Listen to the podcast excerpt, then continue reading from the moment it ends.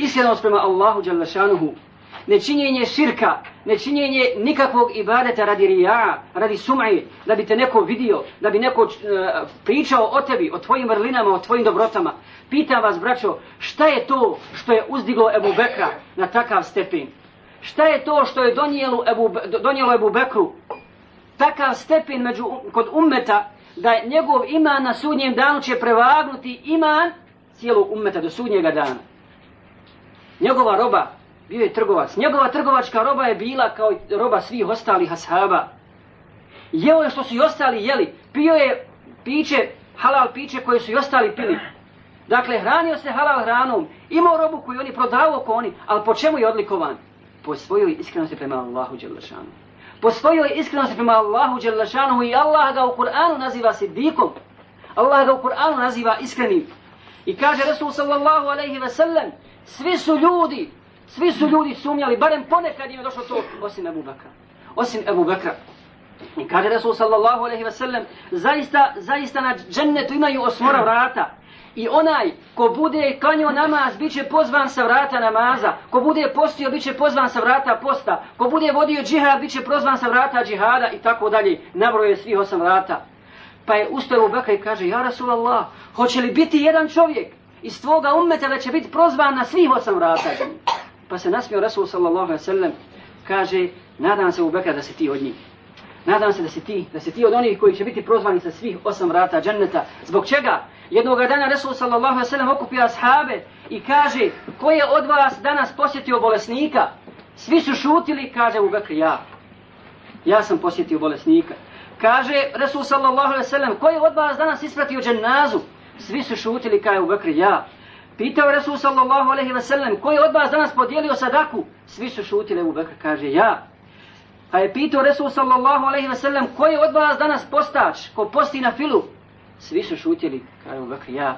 Kaže Resul sallallahu alaihi ve sellem, tako mi Allaha neće se kod roba naći ovaj, ove osobine u jednom danu da ga Allah ne uvede u džennet. Dakle, to je iskrenost prema Allahu Đalešanomu. Kaže uzvišeni, kad aflaha mu'minun, alladhina hum fi salatihim haši'un. spašeni su mu'mini, uspjeli su mu'mini. Ko su oni? Allah opisuje mu'mine na mnogo mjesta u Kur'anu, u suri Furkan, u suri mu'minun, tako dalje. Opisuje, ali to je najljepši opis. To su oni koji svoj namaz skrušeno obavljaju. Kad ga vidiš na namazu, vidiš mu skrušenost. Vidiš mu. Jedan od islamskih, islamskih učenjaka i alima, Ishak Rahivej, kaže za a, a, imama Ahmeda ibn Hanbala, kaže tako mi Allaha, kad bi vidim imama Ahmeda ibn Hanbala, kad bi ga vidi, kad bi ga sretni, ili, na, ili bi ga vidi na namazu, ili ga sretni u putu, ili ga vidi da uči Kur'an, imao sam takav osjećaj kao da, kao da je nastupio sudnji dan, kao da stojim pred Allahom Đelešanom. Toliko je bio zavrnut, toliko je, toliko je mislio na ahiret, toliko je mislio, mislio na, sudnji, na sudnji dan i bio iskren prema Allahu Đelešanu. وَالَّذِينَ هُمْ عَنِ اللَّغْوِ مُعْرِضُونَ I oni koji izbjegavaju ono što ih se ne tiče, Mumin neće nikad upasti u razgovor koji ga se ne tiče, koji neće koristiti njemu na dunjalku i na ahiretu. I ne samo to, nego boji se u razgovor za kojih se boji da će, da će mu štetiti na dunjalku i na ahiretu.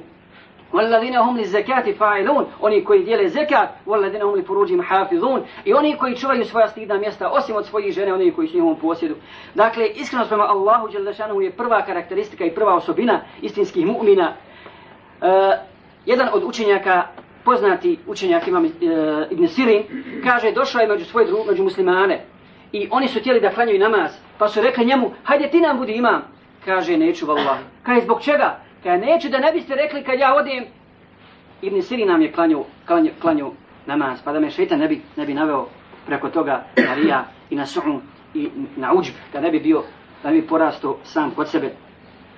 Jedan od islamskih učenjaka kaže, kad bi god pođe na dersi, kad bi god pođi na hudbu, kad bi pođi na predavanje, nikada ni jedno predavanje nije održao da prije toga nije klanio dva rekiata namaza i molio Allaha Đelešanuhu, molio Allaha Đelešanuhu da ga spasi rija, da ga spasi šeitanskog zavođenja, molio Allaha Đelešanuhu da bude iskren. I ako želimo biti Allahove evlije, onda moramo biti poput Selefa. Kaže, kod njih se dešavalo tako, kad bi se spomeni sunnet Rasula sallallahu alaihi ve sellem, kad bi se spomeni hadis, plakali su, plakali su, kad bi se spomeni hadis, jedan od njih je, bi, jedan od njih je bio Sejid ibn Musayyib, poznati mu hadis, poznati tabin, kaže na, na, na samrti, kad je bio na bolesničkoj postelji, neko je spomenuo hadis Rasula s.a.v. pa je tražio da ga podignu, kaže podignite me. Kaže zbog čega bolestan si, slab si, Za, zašto da te dižemo?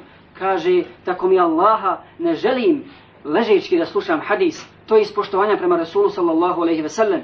Imam i Malik, Imam i Malik je imao jednog učenika koji je stalno dolazio da sluša hadis. I jedan put je napravio pauzu od sedam dana i nikako dolazio. Nikako ne dolazio da sluša predavanja. Pa kad je došao, pitao ga, pitao ga imam, imam i Malika je, šta je s tobom?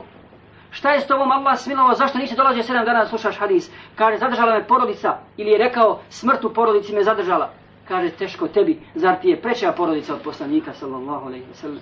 Zar ti je preća porodica od hadisa Rasula sallallahu alejhi ve sellem? U tome je tvoj život, u tome je tvoj spas na dunjalu i na dunjaluku i na ahiretu. Dakle, to su bili ljudi koji su bili iskreni, iskreni i bogobojazni, jer kaže Hasan Basri, čudim vam se, čudim vam se, kaže, drvo je plakalo za Rasulom sallallahu alejhi ve sellem, a vi ne plačete. I šta mislite da su ovi ljudi živjeli s poslanikom sallallahu alejhi ve sellem kako bi se ponašali? Plakali su kad se spomene njegov hadis, plakali se kad, kad se spomene njegova sira, iskreno ga slijedili i čuvali i sačuvali sunnet Rasula sallallahu alejhi ve sellem. Kaže Hasan Basri, znate da je plakao minber. Minber odnosno drvo panj, panj od palme na kojem je Resul sallallahu alejhi ve sellem držao hutbe, pa kada je preuzeo novi minber i počeo sa njega da drži predav, sa njega da drži predavanje, da drži hutbe, čuo je jecanje, čuo je jecanje tog panja kako jeca dijete pa je morao sići Resul sa veselem s tog mimbera i staviti svoju barek ruku i tada se ušutio panj. Dakle, to je naš učitelj, to je naš uzor, to je Allahov poslanik koji je bio bezgriješan i Allah ga je poslao da njega slijedimo i da ne slijedimo nikoga drugog i da on, on bude jedini uzor.